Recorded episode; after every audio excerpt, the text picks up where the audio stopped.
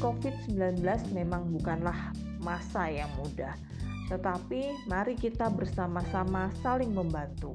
Lihatlah sekeliling kita, apakah ada yang dapat dibantu. Lihatlah balita dan ibu hamil di sekitar kita, apakah mereka terpenuhi makanannya. Mari kita bekerja bersama-sama untuk memenuhi gizi setiap keluarga, khususnya keluarga miskin dan tidak mampu, yaitu seperti dalam 13 pesan dasar gizi seimbang di mana mengkonsumsi makanan pokok, kemudian sayur dan buah, lalu protein meminimalkan minyak, garam, gula, dan pengawet, mengkonsumsi minimal 8 gelas sehari, dan melakukan aktivitas fisik secara rutin. Sebagai contoh, jadi dalam satu piring nasi yang terbesar atau mau menggunakan kentang atau singkong atau jagung bisa. Kemudian sayur dan buah sebagai terbesar kedua kemudian protein seperti ikan dan tempe sebagai terbesar ketiga. Bagaimana cara memenuhinya? Mulailah mengkonsumsi pangan lokal seperti sayur dan buah-buahan lokal serta telur dan ikan. Indonesia ini adalah negara yang sangat spesial di mana summer atau musim panas sepanjang tahun sehingga sangat memungkinkan untuk bercocok tanam di rumah atau beternak telah melakukan kebijakan sosial dengan memberikan bantuan sosial pangan melalui program bantuan pangan non tunai kepada keluarga penerima manfaat setiap bulan. Bantuan oleh Kementerian Sosial ini mencakup kebutuhan pangan karbohidrat dalam bentuk beras, protein dalam bentuk daging, ikan, telur, dan kebutuhan vitamin. Kebutuhan vitamin dalam bentuk sayur mayur. Pemerintah sosial pun menaikkan manfaat bantuan pangan bagi penduduk yang terkena dampak pandemi COVID-19 seperti mereka yang terkena PHK atau pemutusan hubungan kerja. Namun, bantuan pemerintah ini menuai banyak keluhan seperti ketidakmerataan bantuan kepada penduduk miskin dan bantuan yang diberikan hanya beras tanpa adanya protein dan sayur mayur ataupun buah. Oleh karena itu, pentingnya kepedulian tetangga, sahabat, rekan kerja, teman, bawahan, ataupun atasan. Tidaklah perlu kita menunggu pemerintah yang membantu, kita pun dapat melakukannya. Apalagi sekarang, semua dapat dilakukan dalam genggaman tangan, seperti penggalangan dana melalui beragam kelaparan dan kekurangan gizi pada penduduk miskin. Jika ibu hamil kekurangan gizi, seperti anemia, maka akan melahirkan bayi dengan berat badan lahir rendah.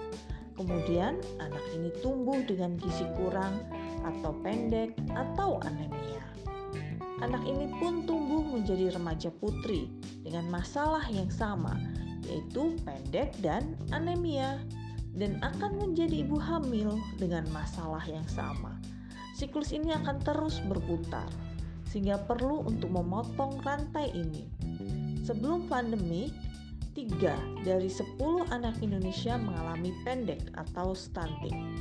Saat pandemi ini, data dari UNICEF menyebutkan 24 juta balita berisiko lebih tinggi mengalami kurang gizi dan masyarakat pun bermasalah karena ketidakpastian pasar akibat penurunan produksi pada industri pangan ataupun keterbatasan pangsa pasar karena pembatasan yang dilakukan di berbagai wilayah. Ketahanan pangan adalah situasi ketika semua orang setiap saat memiliki akses fisik, sosial, dan ekonomi untuk makanan yang cukup, aman, dan bergizi yang dapat memenuhi kebutuhan dan pilihan pangan mereka untuk kehidupan yang aktif dan sehat.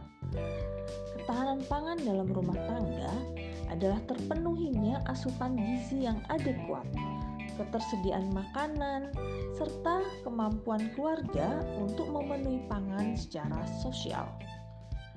Pandemi COVID-19 membuat pemerintah dan berbagai institusi atau organisasi berupaya melindungi warganya dari COVID-19 dengan memperlambat penularan COVID-19. Berbagai langkah tersebut mengakibatkan kesulitan bagi banyak warga atau kelompok rentan, di mana berdampak pada pendapatan rumah tangga, rantai pasokan pangan, layanan kesehatan, dan kegiatan belajar di sekolahan. Hal inilah yang membuat kekhawatiran bahwa pandemik COVID-19 akan berdampak pada status gizi. Khususnya keluarga miskin dan rentan.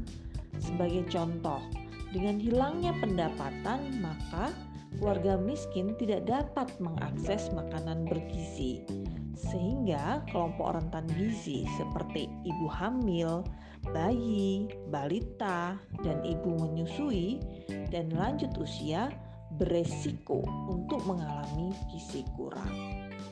Pandemi COVID-19 berdampak pada pertanian pula, mulai dari aspek produksi hingga distribusi pangan. Dalam proses produksi, pandemik ini menyebabkan biaya input pertanian meningkat sehingga petani harus menanggung biaya yang lebih besar. Keterbatasan tenaga kerja pun menjadi masalah karena aturan mobilitas dengan alasan pemutusan penularan COVID-19.